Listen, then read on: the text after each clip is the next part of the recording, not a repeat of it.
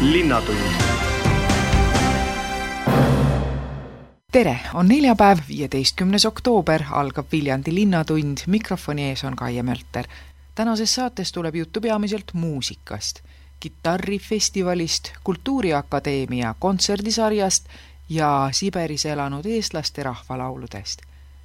kõigepealt aga täna algavast kitarrifestivalist ja mul on hea meel öelda stuudios tere, Ain Agan, Viljandi kitarrifestivali korraldaja täna algab kolmeteistkümnes kitarrifestival. milliseks tõotab tänavune festival kujuneda? tere ka minu poolt, mul on väga hea meel siin teie stuudios vaadata linna peale, kus minu elus on toimunud väga mitmed tähtsad, tähtsad sündmused, alates minu, minu kunagisest tulemisest Viiratsisse Künfi mängima ja, ja minu kõige vanema poja sünnist siin linnas ja ja pikalt Kultuuriakadeemias töötades, et see emotsioon oli praegu, ületas selle kitarrifestivali äh, küsimuse vastuse, aga, aga teinekord on tore emotsioonidest nagu juhinduda mõist-, mõistlikus piiris no hea, et see Viljandi emotsioon, mis siit akendest avaneb, toob kõik selle toreda eluperioodi meelde, samas on ju hästi meeldiv ka see, et Viljandi kitarrifestival on üks selle eluperioodi jätk ja side sellega. täpselt nii, ja ega, ega ma ei ole ka siit Viljandist väga distantseerunud, et äh, elukoht on mul siin äh, Mulgi vallas ja, ja siis ma niimoodi siin vaatan mõnikord niisama ka Viljandit, küll mitte igapäevaselt, aga aga tõepoolest, kolmeteistkümnes festival äh, algab täna ja natukene eriline see aasta meil siin on, eks, et festival on sellepärast ka kaks päeva lühem. No mit-, ka mit-, muudel põhjustel, et, et et eelkõige ka sellepärast jah, et et me pidime kava muutma kevadel, kui need sündmused siin algasid meil selle maakera palli peal. Ja õnneks äh, oli piisavalt palju aega, et äh, kitarrifestivalini oli ikkagi põhimõtteliselt pool aastat aega. et äh, me jõudsime ilusti selle kava natukene ümber korraldada ja, ja nii ta on, et natukene väiksemas äh, väiksemas formaadis siis, ehk siis nagu ma ütlesin, kaks päeva lühem, aga seda sisukam. kui sisukas see tuleb? ma ei tea, kas äh, eelmist aastat äh, on äh, lähiaastatel võimalik sisu poolest ületada, juba seda, et eelmisel aastal oli maailma noh, kõik need, need kriitikute need hindamised on subjektiivsed, aga, aga midagi nad ikkagi näitavad. Ehk siis äh, top kahekümnest oli eelmisel aastal Viljandis viis kitarrimängijat maailmast, et, et juba see, see on juba mingisugune, mingisugune latt, äh, mida annab ületada, aga kindlasti on plaanis ja võib-olla ehkki õnnestubki.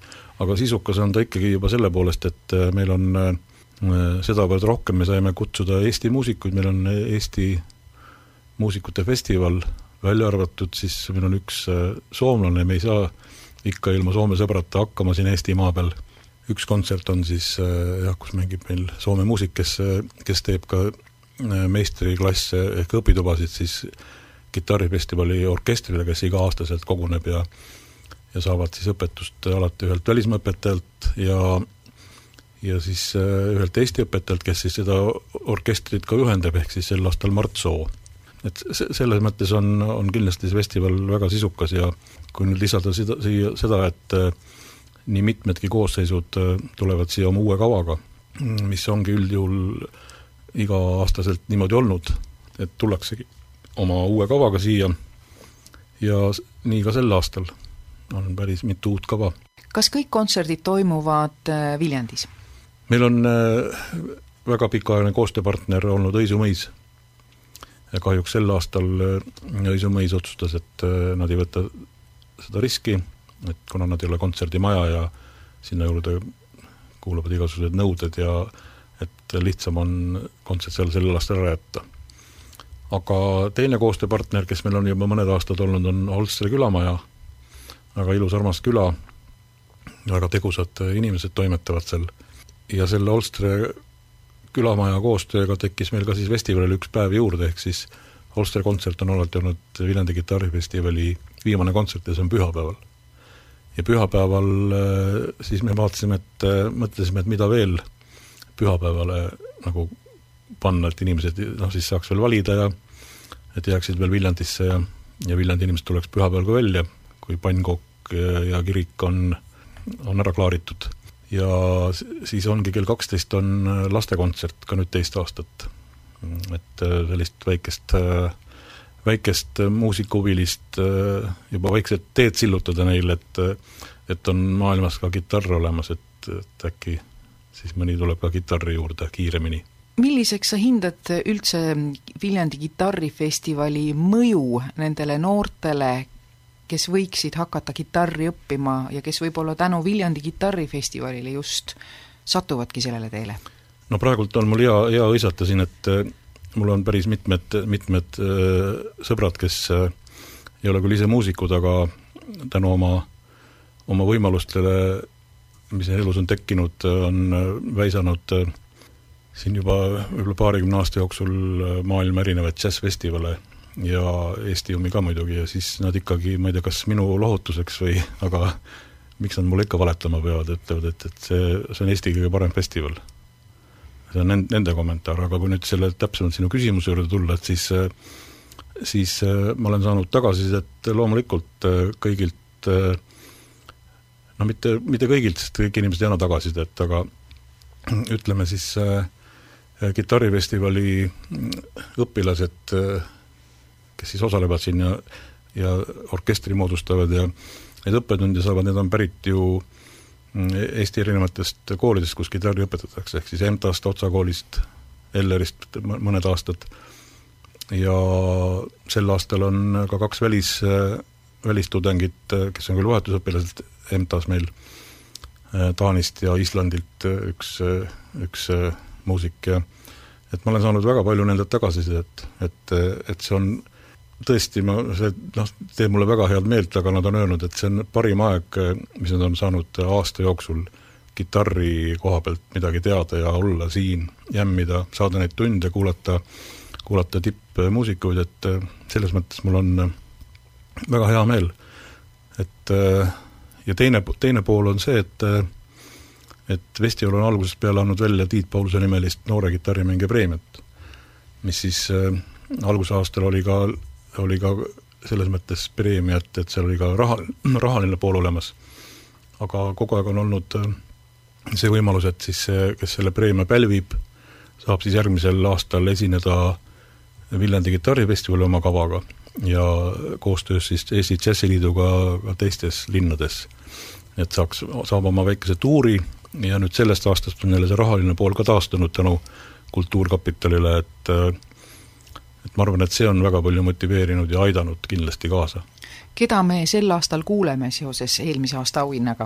Johannes Laas on see tore muusik, kes, kes ka siin oma projekti teeb ja erinevates projektides tuleb kaasa ja tema pälvis eelmisel aastal, aga selle aasta auhinnasaajat ma veel ei julge välja öelda kui tulla tagasi festivali orkestri juurde, siis ähm, millistest muusikutest see koosneb ja mida nad festivali jooksul teevad? no nagu ma eel, eelnevalt ütlesin, et äh, nad on kõik õppivad muusikud, ehk siis erinevatest koolidest, küll äh, natukene erineva tasemega, aga aga mitte väga, nii et, et, et see segaks nüüd selle orkestri toimimist ja siis see, see töö näeb niimoodi välja, et, et Mart Soo siis, kes on see peajuhendaja, ehk siis kes juhendab seda suurt orkestrit äh,, tänavu on äh, viisteist muusikut orkestris. mõned aastad on äh, olnud rohkem, üldjuhul on viisteist on alati olnud, et et on jah, mõne, mõnikord on Soomest olnud ja on Rootsist ja Taanist on olnud ja ja Saksamaalt on olnud ja et tore, tore, et see noorte muusikute huvi nagu niimoodi kajastub aga siis äh, nad valmistavad Mardi poolt arranžeeritud siis äh, tunniajase kontserdi pikkuse kava ette. see on nendel üks osa tööst ja siis teine on see, et äh, siis see välismaa õppejõud, kelleks oli siis mm, Mikko Ivanainen Soomest, tema siis räägib selliseid ütleme, alg, algõpetusele al-, alustades sealt siis ja vaatab, kuidas see kuidas küs-, küsimustega ja selle arusaamisega asjad on, et siis vastavalt sellele kujundab seda õpetusprogrammi, et ja, ja kõik saavad ka individuaaltunde.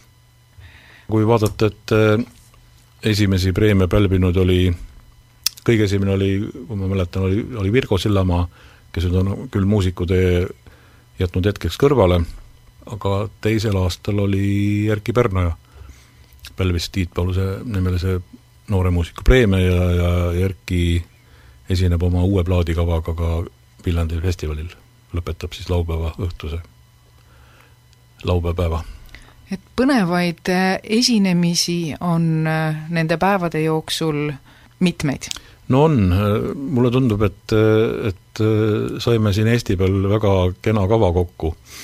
kui nüüd rääkida veel, veel mingitest traditsioonidest, siis kaheksa aastat on olnud festivalil eriprojekt, mis tähendab, et, et eriprojekt tähendab seda, et et mõeldakse välja erikava, tellitakse muusika selleks, ehk siis noh, need ma olengi suuresti ise välja mõelnud, et need väga põnevad koostööd Tallinna Kammerorkestriga, Eesti Filharmoonia Kammerkooriga ja Keelpilliga kvartett Prestiosoga ja ja festivali nendest koostööprojektidest on ka kaks albumit juba välja tulnud. Ja ühe albumi Mm, lasi välja üks Inglise plaadifirma. see oli siis koostöös Tallinna Filharmoonia Kammerkooriga, et, et, et see festivalil juhtunud asjad ei ole, ei jää üldse siia äh, Viljandi linnakesse. et need on ammu läinud lendu siit palju kaugemale. näis, mis edasi saab, aga selle aasta projekt on äh, ka välja mõeldud ja tuleb esitusele laupäeval, mis on siis äh, lühidalt selline, et Maian Kärmas kirjutas äh, haikud, mina kutsusin kokku viis muusikut, need viis muusikut siis kirjutavad sellele FIE laikule tuginedes või siis sealt improvisatsiooni saades äh, kirjutavad originaalmuusika, need on siis äh, Jaak Sooäär, Andre Maaker, Mart Soo, Robert Jürjendal ja Ain Agan. ja Karmen Seljamaa, tunnustatud noor videokunstnik teeb siis äh, visuaalid sellele kontserdile ja Rene Liivamägi teeb valguse kujundused, et see on siis selle aasta eriprojekt, mida ma ise ka väga põnevusega ootan. ja see eriprojekt äh, leiab aset Pärimusmuusika aidas? enamus kontserte on kõik seal, äh, meil on küll jälle traditsiooniline Nuku teatri kontsert, Marek Talts astub selle oma soolokohaga üles Kondase keskuse öökontsert, kesköökontsert, mis meil algusaastatel oli vanas veetornis, aga see ei kannatanud enam väga palju inimesi välja ja siis eh, siis me pidime otsima uue koha ja, ja Kondase keskus on väga-väga tore ja sobilik paik selleks. ja seal toimub ka meie festivali ainukene klassikalise muusika kontsert. ja siis eh, seal on ka meil jälle sõpradega rääkides ja kohtudes ja mõtteid vahetades jälle tekkis idee, et teha ühe maali näitus, nüüd on see siis Laurentiuse ja Mauri Krossi kaks toredat kunstnikku, nende eestvõtmisel ja toel on siis see nüüd teist aastat saab teoks juba, et, et see on ka väga põnev olnud. nii et selle klassikalise muusika kontserdiga samal ajal toimub siis ühe maali näitus? jah, ja see maal jääb festivali jaoks sinna Kondase keskusesse ja ja seda saab siis vaadata nii kontserti ajal kui ka pärast.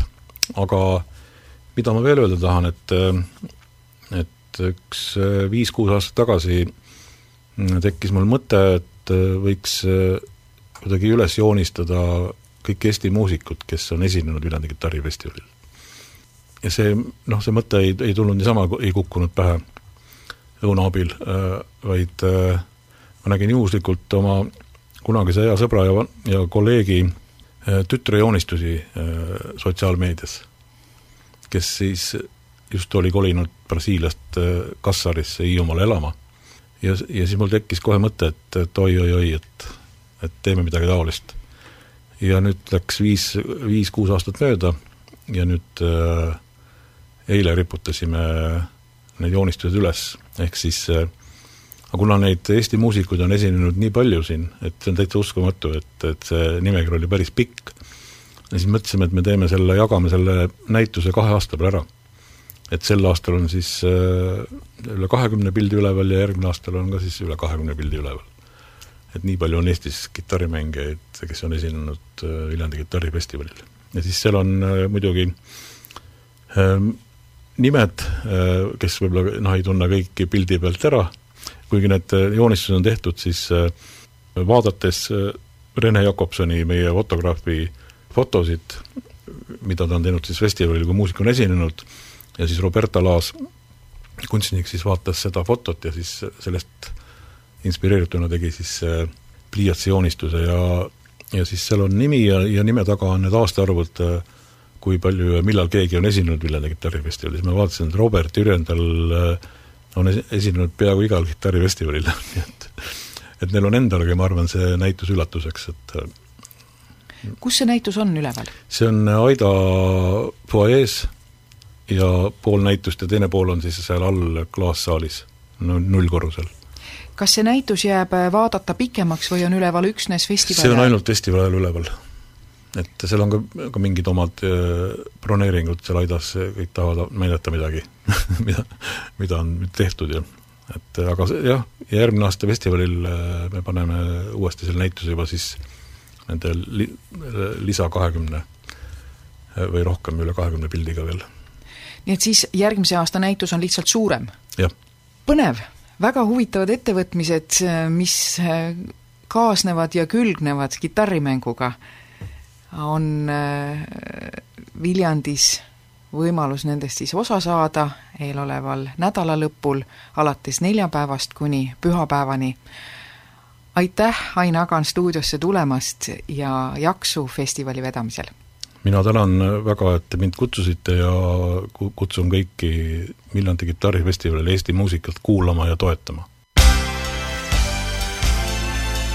linnatund kultuuriakadeemia korraldatav kontserdisari Made alustab hooaega järgmisel kolmapäeval, kahekümne esimesel oktoobril kell üheksateist, üheksateist Sakala keskuses. lava on siis seitsme erineva koosseisu päralt. üks noortest muusikutest, kes Madel üles astub, on teisel kursusel pärimusmuusikat õppiv Villem Kreem, juttu ajas temaga Margus Haav. Öeldakse, et see muusik, kes saab hakkama tänaval, see saab igal pool. vastab see väide tõele? ma arvan küll, et kui sa suudad tänaval inimesed juba, juba kaasa haarata, kes ei tulnudki üldse muusikat kuulama, siis küllap sa suudad laval teha sama. kui inimesed on tulnud kohale, et kuulata, kuulata muusikat kui kerge või raske see amet on, et ühest küljest jääb mulje, et noh, mis seal ikka, mängid pilli ja natukene laulad ka ja raha tuleb, aga ma kardan, et see ikka nii lihtne vist ei saa päriselt olla jah, oleneb, kui väga seda ametina võtta, et kui see on sinu peamine sissetulekuallikas, siis võib minna päris keeruliseks, sest et äh, mõnikord inimesed lihtsalt ei, ei ole nii lahked kui mõnel teisel päeval. aga kui seda võtta kui, kui harjutamist ja, ja musitseerimist, siis see on puhas lõbu palju, jah, palju, palju sul endal nüüd kogemusi on ja kas need on kõik Eestis või, või oled ka väljaspool proovinud? ma kunagi lapsena mängisin Lätis ka äh,, kui ma käisin oma plokkflöödilaagriga äh, ringreisil, aga Eestis on kogemust ainult see suvi, et ma hakkasin kitarri õppima üpris hiljuti, aga, aga olen mänginud Eestis Tartus, Tallinnas ja isegi Valgas ja Viljandis ka hakkame pihta, et kuidas, kuidas noh, pealinnas on, et pealinnas neid muusikuid, eriti seal Balti jaama lähedal tunnelis kohtab üsna sageli, mõned kusjuures tundub, et on isegi väga head. jah äh,, nii palju, kui mina olen ise kuulnud seal muusikuid, siis nad on äh,, on head. et äh, enda muusika kohta sedasi ei saa, saa öelda, kuna see oleks, see ei oleks ju kohane äh,. jaa, aga kuidas on Tartuga? Tartus on isegi kõrgem, kõrgem tase minu, minu kogemuse põhjal, sellepärast et seal on e, muusika mängimine tänavatel on, on palju nagu vabam, seda toimub rohkem, Eesti inimesed on rohkem tänavatel ka ja Tartu linn on ju kontsentreeritum kui Tallinn. et e, seal on rohkem, ollakse, ollakse koos, seal on väga ilusad pargid. kas siis nagu kuidagi tõesti niimoodi linnade kaupa inimeste suhtumisest e, paistab, paistab nüüd tänavalt ka eriti silma, et kus on nagu lahkemad ja sõbralikumad või? jaa, paistab, paistab, paistab küll. et äh, Tallinnas on inimestel, vähemalt minu kogemuse põhjal, neil on alati rohkem kiire. et Tartus on, on natuke rohkem aega ja veel, veel rohkem aega seista ja kuulata on inimestel Viljandis. tõsi, ma miskipärast arvasin, et Viljandis võib tänavamuusik nälga surra nii-öelda äh, noh, nälga võib tänavamuusik surra igal pool, äh, aga aga noh, nii palju, kui mina olen Viljandis mänginud, on siin olnud, olnud lahked inimesed kui lihtne see tänavale minek on ja pill kaasa ja kohver ette või, või mütsikene või kuidapidi see on? no eks see oleneb muusikust endast suuresti, kui kui lihtne see olla saab, sest et kui sul on see pealehakkamine, enesekindlus ja armastus muusika vastu eh, ja lavanärvi ei ole, ole suurt, isegi kui lava ei ole, esinemisnärvi pole, siis eh, on see tegelikult üpris lihtne, et mõtled, et mängid sõpradele või mängid endale ja ja teedki tänaval muusikat ilma, ilma probleemita. Viljandi juurde kohe tagasi, aga me unustasime Võru ära, et kuidas Võrus läks? Eh, Võrus, eh, kas ma ütlesin Võru? Valga. Valga, jah. Eh, Valgas läks, ma mängisin hästi lühikest aega ka, et sõitsime Viljandist sõbraga sinna, et, et vaadata Tivolit, mis parajasti seal oli ja siis kuna mul ei olnud Tivoli piletiraha, siis ma kohe mõtlesin, et aga mul on ju kitarr kaasas. et kogu autosõidu harjutasin ka ühte ühte Rheinländrit ja ja seal ei läinud üldse hästi, ei saanud ühtegi, ühtegi kopikat. Tivolisse ei pääsenud? Tivolisse ei pääsenud, aga mul oli, oli lõbus oma kitarriga ka pingi peal. ja nüüd Viljandi juurde tagasi, et kuidas see nüüd see Viljandis see asi reglementeeritud on, et kas tõesti, et paned bändi kokku ja lähed äh, tänavale või, või päris nii lihtne see ei ole? see päris nii lihtne ei ole, et Viljandisse peab olema kooskõlastatud äh, linnavõimudega, enne sul peab olema luba, et mängida. kuidas teistes linnades on? Tartus võib niisama ja Tallinna kohta ma ei tea. Tallinna kohta nagu ma mäletan, et vahepeal üritati ka kuidagi seda asja nagu kontrolli alla saada, aga aga noh, mingis mõttes ma isegi ei tea, kui sa niimoodi musitseerid ilma loata ja Tallinnas jääd mupole vahele, et mis, mis siis juhtub, et noh, küllap nad ütlevad sulle esialgu, et, et ära mängi ja kui sa nende sõna kuulad, siis nad lasevad sul minna, et ma ei usu, et et nad nii väga tahavad äh, muusikuid hakata kiusama tänaval, et küllap, küllap tullakse vastu, et sa ju ei tahtnud midagi halba kellelegi mm. -hmm. No see komme ilmselt meil veel päris levinud ei ole, kus just linna, linnatransporti astub grupp muusikuid sisse, kes mängib äh, mingisugust äh, võrdlemisi noh, kuidas nüüd öelda, mitte eriti head lugu ja mitte eriti heades esinduses, esituses ja kus on siis järel eh, spetsiaalne rahakogu ja no need natuke veidike mõjuvad minu jaoks tüütud, noh, välismaal just eriti. jah, Eestis ei ole kohanud, ei ole ka kohanud seda, et, et mõnes eh, suvel väli, väliterrassil käib keegi lauast lauda ja ja muudkui mängib ja tahab raha. et äh, võib-olla oleks Eestis lihtsalt tagasihoidlikumad oma, oma asjadega. võib-olla on proovitud jah, aga siis selgus, et ei ole mõtet. võib-olla tõesti aga mis see repertuaar peaks olema, et sa oled nagu nüüd ütleme, erialavalikult sinna pärimusmuusika mm. poole kaldu, et kas nüüd kindlam on välja minna selliste hittidega, mida tõesti kõik teavad või, või natukene eksperimenteerida ka?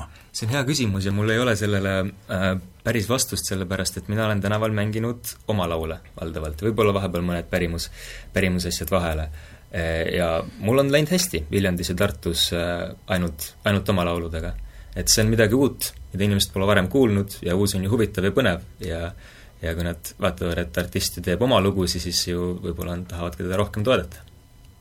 nojah, Eesti muusikute puhul jah, ma olen nagu väga sageli kohanud seda väidet, et et põhimõtteliselt tahetaksegi kuidagi nagu niimoodi sellisest tipust nagu enam-vähem pihta hakata. et kõik see eelnev, mis, mis selle juurde käib, noh muuhulgas ka tänavamuusiku karjäär, mida tegelikult ka Ed Sheeran viljeles, see kuidagi nagu ei ole nii väga teemaks või? Jah, taaskord, kuidas, kuidas kellelgi, et äh, on, hästi suur on tänapäeval see kuulsuse ja staari kultus, kuidagi tahetakse kohe saada selleks ja, ja siis olla seal tipus, anda just järjest välja seda, mida inimesed ootavad.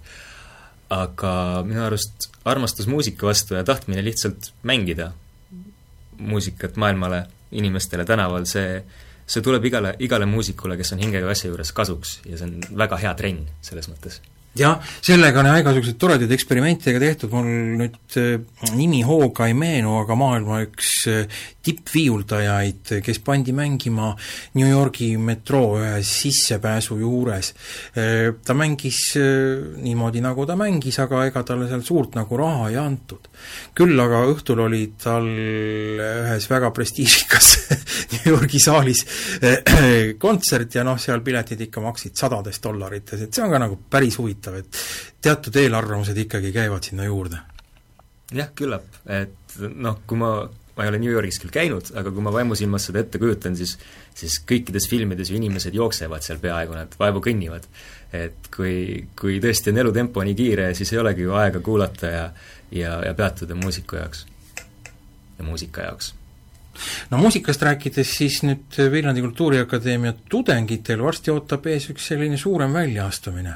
Made hakkab pihta jälle? jah, tulev kolmapäev, kakskümmend üks oktoober siis äh, Sakala keskuses on äh, taas kord Made, kus siis äh, esinevad pärim, pärimusmuusikud, rütmimuusikud, koolimuusikud, kõik, kõik muusikatudengid Viljandi Kultuuriakadeemiast. kui tihti nüüd äh, muidu tavaolukorras kokku saate või kokku puutute? erinevad kursused, ma mõtlen. noh äh,, igapäevaselt, sellepärast et muusikamajas ju toimub õppimine kõik koos ja ja ühiselamutes elatakse koos, et äh, suhtlus on selles mõttes tihe omavahel, kõik on ju sõbrad. aga koos musitseerimine?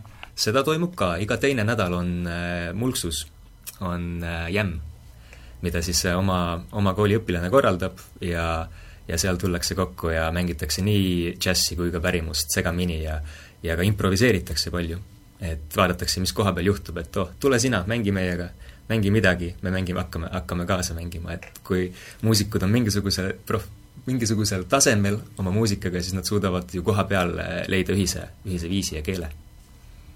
nii et selles mõttes eh, erinevad eh, stiilid, eh, sümbioos nende vahel tänases maailmas, kus nagunii need stiilipiirid on ähmased, et see on nagu täiesti selline enam-vähem kümnesse? jaa, see on, see on pidev et äh, kogu aeg äh, toimub stiilide sega, see segamine, segunemine ikka iseene-, iseenesest ja, ja see on ju ainult rikastab muusikat. jah, nüüd vaatasin vahepeal kella, et ma olen selles mõttes ajaloo, ajaloolise intervjuuga nüüd enam-vähem jõudnud üheksanda minutini ja ajalooline ta selles mõttes, et meie jutust ei ole ühtegi korda käinud läbi veel sõna koroona mm. kuidas see nüüd õpinguid mõjutab ja, ja üleüldse seda tulevast elukutset, et et eh, kas nagu väike sihuke hirm on ka, et kurat, et oleks mujale ikka pidanud minema? Eh, hirmu ei ole, kuna mulle väga meeldib unistada ja ma olen pigem lootusrikas inimene. Eh, õpinguid on ta mõjutanud sedasi, et, et koolis on, koolis on desinfitseerimisvahendid, et ja, ja seda, et kui sa käid muusikamajas harjutamas, klaverit mängimas, siis siis kas enne või pärast sa teed klaveri enda järel puhtaks. ja see on mõjutanud kooliüritusi, et äh, me siin väga, väga, meie esindus propageerib maski kasutamist ja on ka niisugused loosimängud, et kui sul on, kui sa võtad maski endale peole sisenedes, siis sa võid võita midagi, mis on väga, väga motiveeriv ka niisama, kuna inimesed väga kes kardab, kes ei karda, et, et kuidas kellelgi mm. -hmm. aga igal juhul jah, selline kultuurisfäär on vaieldamatult üks nendest, mis nüüd see pandeemia on niimoodi ikka päris segamini pööras. kust see muusikuleib peaks tulema, kui me nüüd tänava korraks kõrvale jätame? Hea küsimus, et et kontserte tehakse ju vähem. aga me kõik väga loodame, et see koroona ju, et ta läheb üle üks hetk. et ta ei jää, jää lõplikult sinna ja, ja senikaua eh, ehk noh, interneti nende striimide pealt saab tegelikult väga vähe raha. et eh, sealt nagu ei ole loota, aga, aga inimesed tahavad muusikat ja elus muusikat kuulda ikka. et eh, küllap siis esinema kutsutakse äh, Eh, väiksematesse kohtadesse, sünnipäevadele, pulmadesse, et eh, kogu muusikuleib ju ei olegi suured kontserdid, ainult oma loominguga. nii et tulevikku vaadates sa nagu nüüd ütleme jah, siin kuulajad ja lugejad seda ei näe, aga väga ei muretse? mina ei muretse, ma ei ole muretseja tüüpi väga. Linnatund ansambli Tintura ja Arno Tamme esimene ühisalbum Kaugel üksi võõra rahva hulgas põhineb Siberis elanud eestlaste rahvalauludel. Need on laulud, mis põlvest põlve edasi antud, uues keskkonnas elanud ja arenenud ansambli Tintura ehk Karoliina Kreienthaali ja Lauri Tähte ning Arno Tamme puudutasid need igal juhul üsna tugevalt. Nendega ajas juttu Margus Haav, kes küsis hakatuseks, et ega Siberi eestlaste loomingut vist polegi pikka aega ühelegi albumile pandud. ega pärast seda Siberi eestlaste antoloogiat, kust kogu meie materjal pärineb, mis ongi arhiivi salvestised, minu teada tõesti ei ole sellist terviklikku albumit ühel või teisel viisil ei ole, ei ole tehtud, jah. ise te nüüd koha peal ei käinud, et teeme selle kohe alguses selgeks?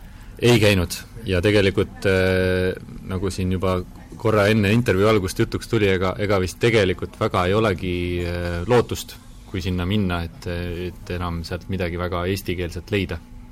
sest need eestlased, kes seal olid üheksakümnendatel ja ka kahe tuhandendatel, kellelt need laulud pärinevad, neid, need olid, nemad olid selleks ajaks juba üpris kõrges eas ja, ja näha oli, et see eestlaste rahva hulk seal järjest väheneb ja väheneb.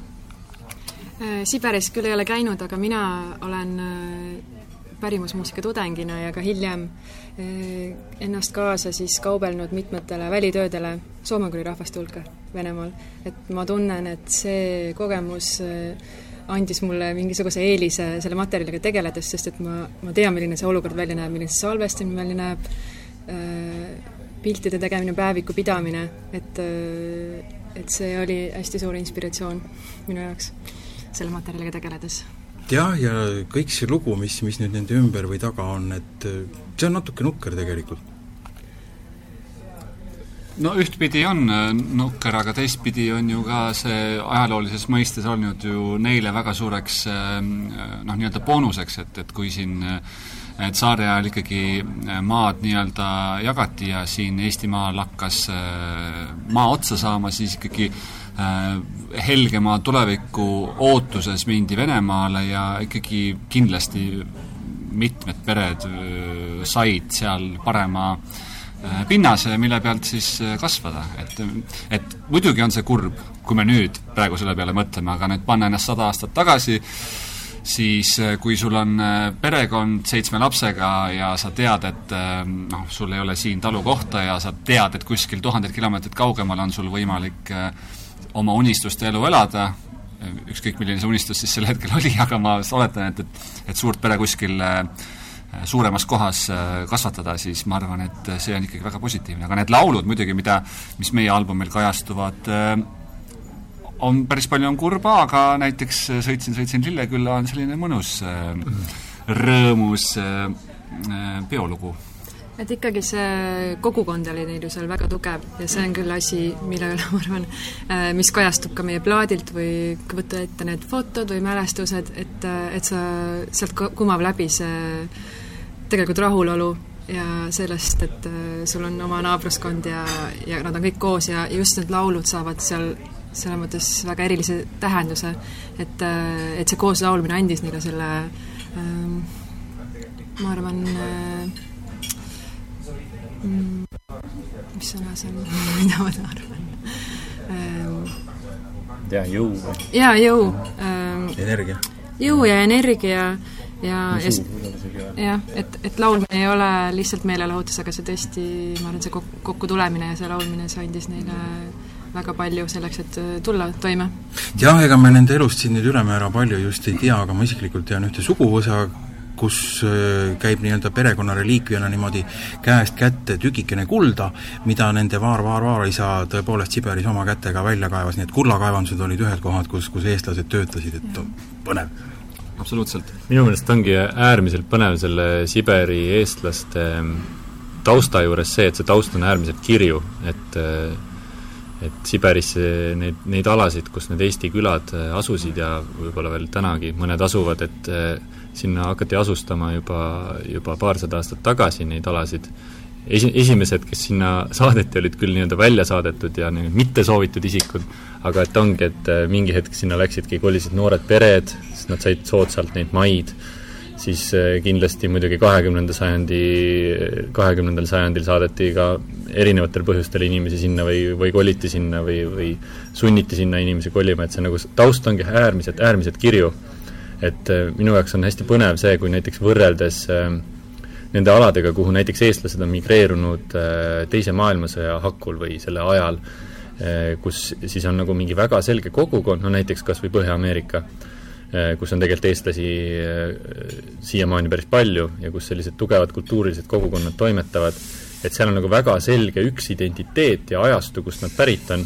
Aga samal ajal Siberis eh, need eestlaste puhul me ei saa nagu täpselt defineerida, et kas nad on välja saadetud, kas nad on sinna kolinud tea, omast tahtest, kas mõned on kuskilt, ma ei tea, vangilaagritest sinna sattunud lõpuks või, või see kirju, hästi kirju taust annab selle hästi laia pinnase ka, et see, et see materjal või see pärimus või see mälestused, millega nad sinna läksid, on ka väga, väga, väga erinevad.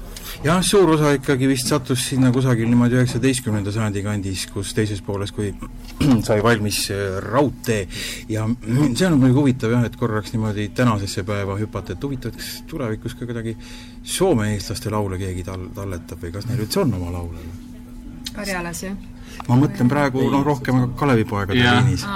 või siis Austraalia eestlased ja. või samamoodi Kanadas või, või, või Ameerikas elavad. et ma ütlen, et eh, mina nüüd käisin eh, selle aasta kevadel Austraalias ja sattusin kokku siis kohalike Austraalia eestlastega, kes siis on läinud ka sinna paremat elu otsima, muidugi nendega me kahjuks koos ei laulnud ega pilli ei, ei mänginud, aga saime ikkagi koos veeta aega ja sealt tuli mulle selline äh, samasugune tunne, et eh, inimene, noh, olles ise ka välismaal aasta elanud, et kui mina lähen välismaale ja ma leian sealt eestlasi, siis on ikkagi väga suur tõenäosus, et ma otsin nad üles ja ma käin nendega läbi.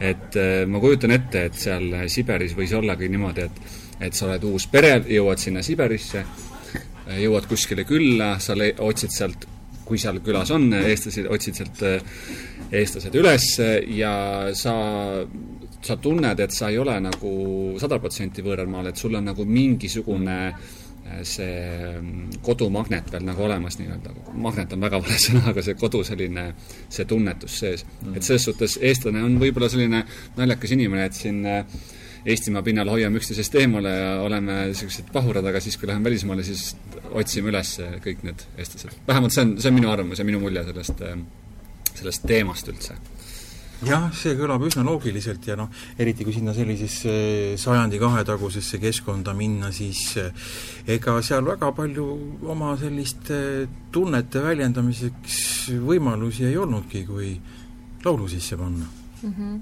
jah, noh, raske võrrelda tänapäevaga, kuigi noh, ma, minu peas küll mingid paralleelid hakkavad tekkima, sest eks selline migreerumine on, on ju pidev nähtus maailmas, et mingid inimesed kas, ma ei tea, põgenevad või kuskilt maalt, ma ei oska, oska öelda, mingite äh, mingite, mingite väga vägivaldsete režiimide eest või lihtsalt kolitakse parema palga pärast kuskile teise või kolmandasse kohta.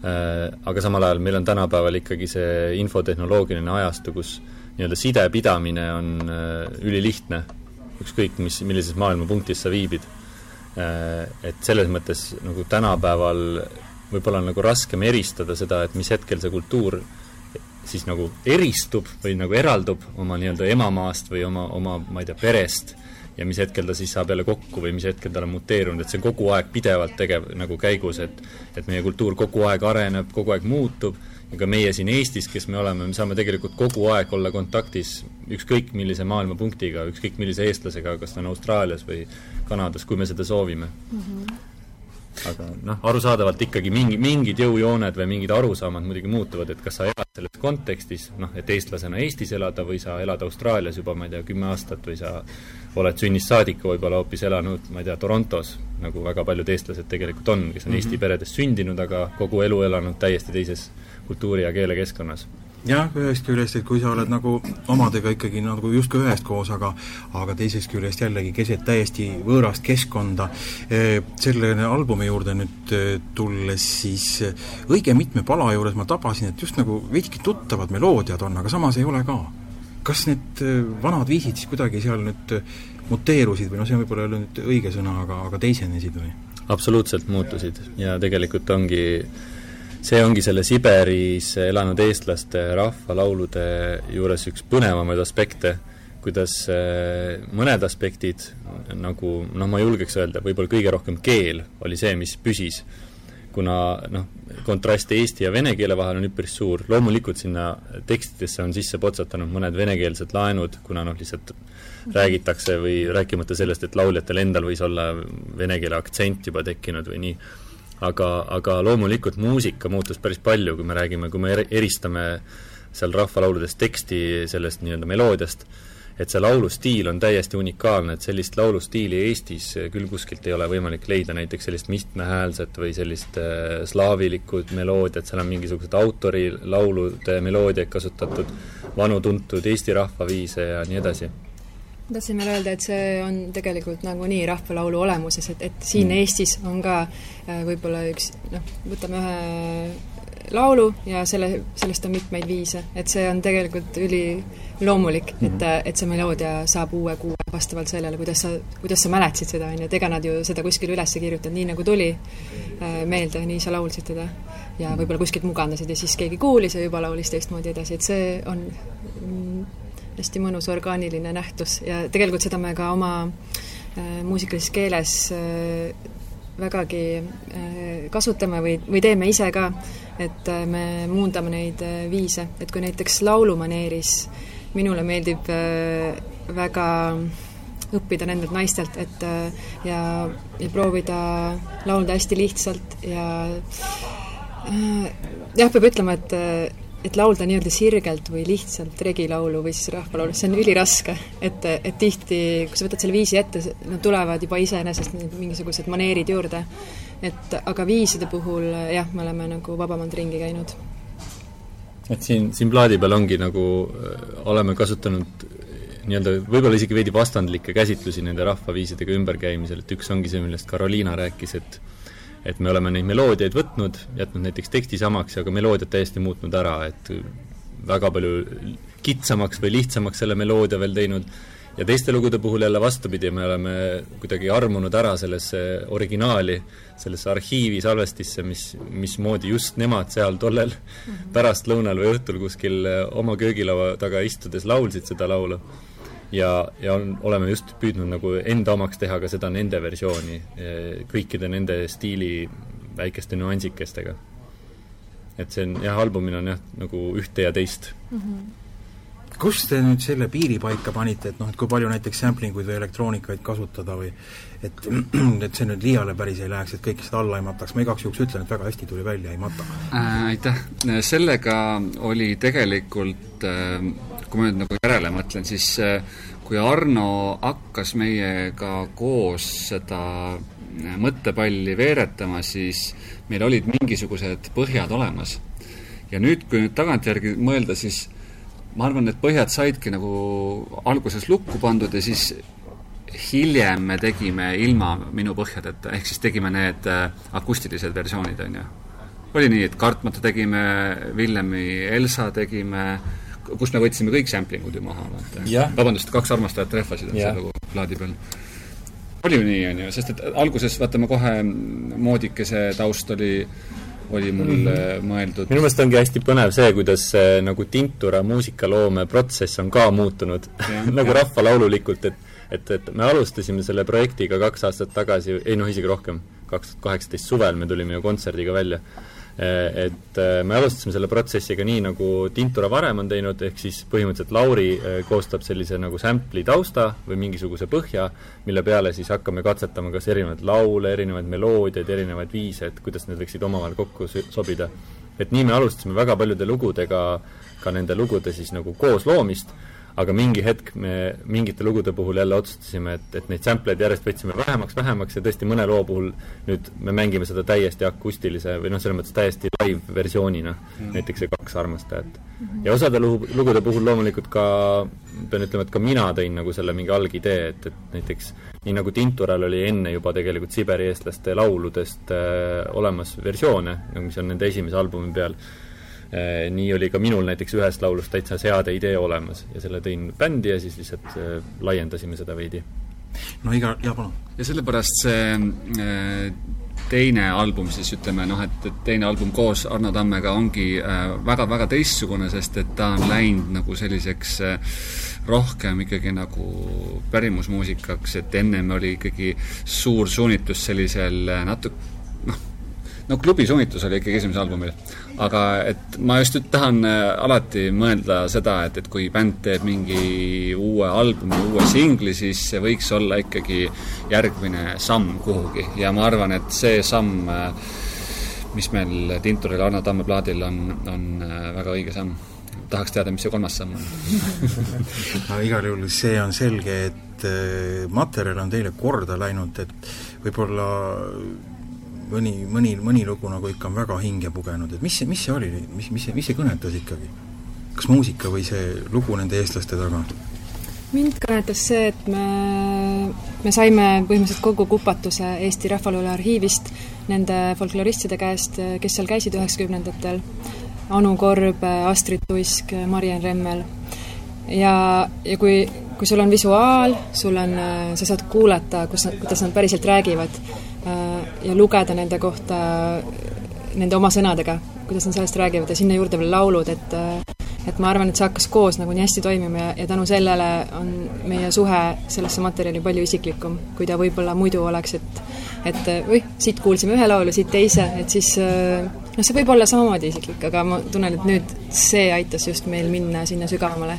ja üldse see koostöö oli väga-väga nauditav nende folkloristidega, et et selline nagu ema tunne oli kõrval, et sa said igal hetkel helistada ja küsida mingi fakti, fakti kohta või palun räägi mulle, et kas, kas tema, kas sellest lauljast, kas ta, kas ta räägib kuskil veel, et, et äh, see on nii, see on niisugune luksus oli seda teha, tõesti.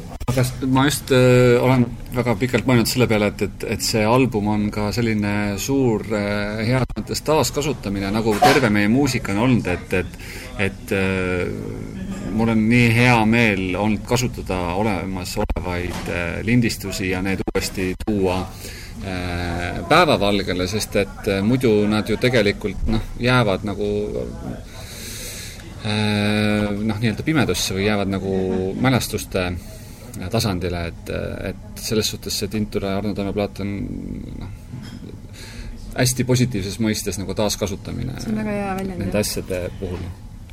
Terve meie muusika on kogu aeg olnud vähemalt enne, enne kui Arno tuli pardale, selline noh, pigem nagu minevikus otsimine ja, ja sellest midagi uue loomine, et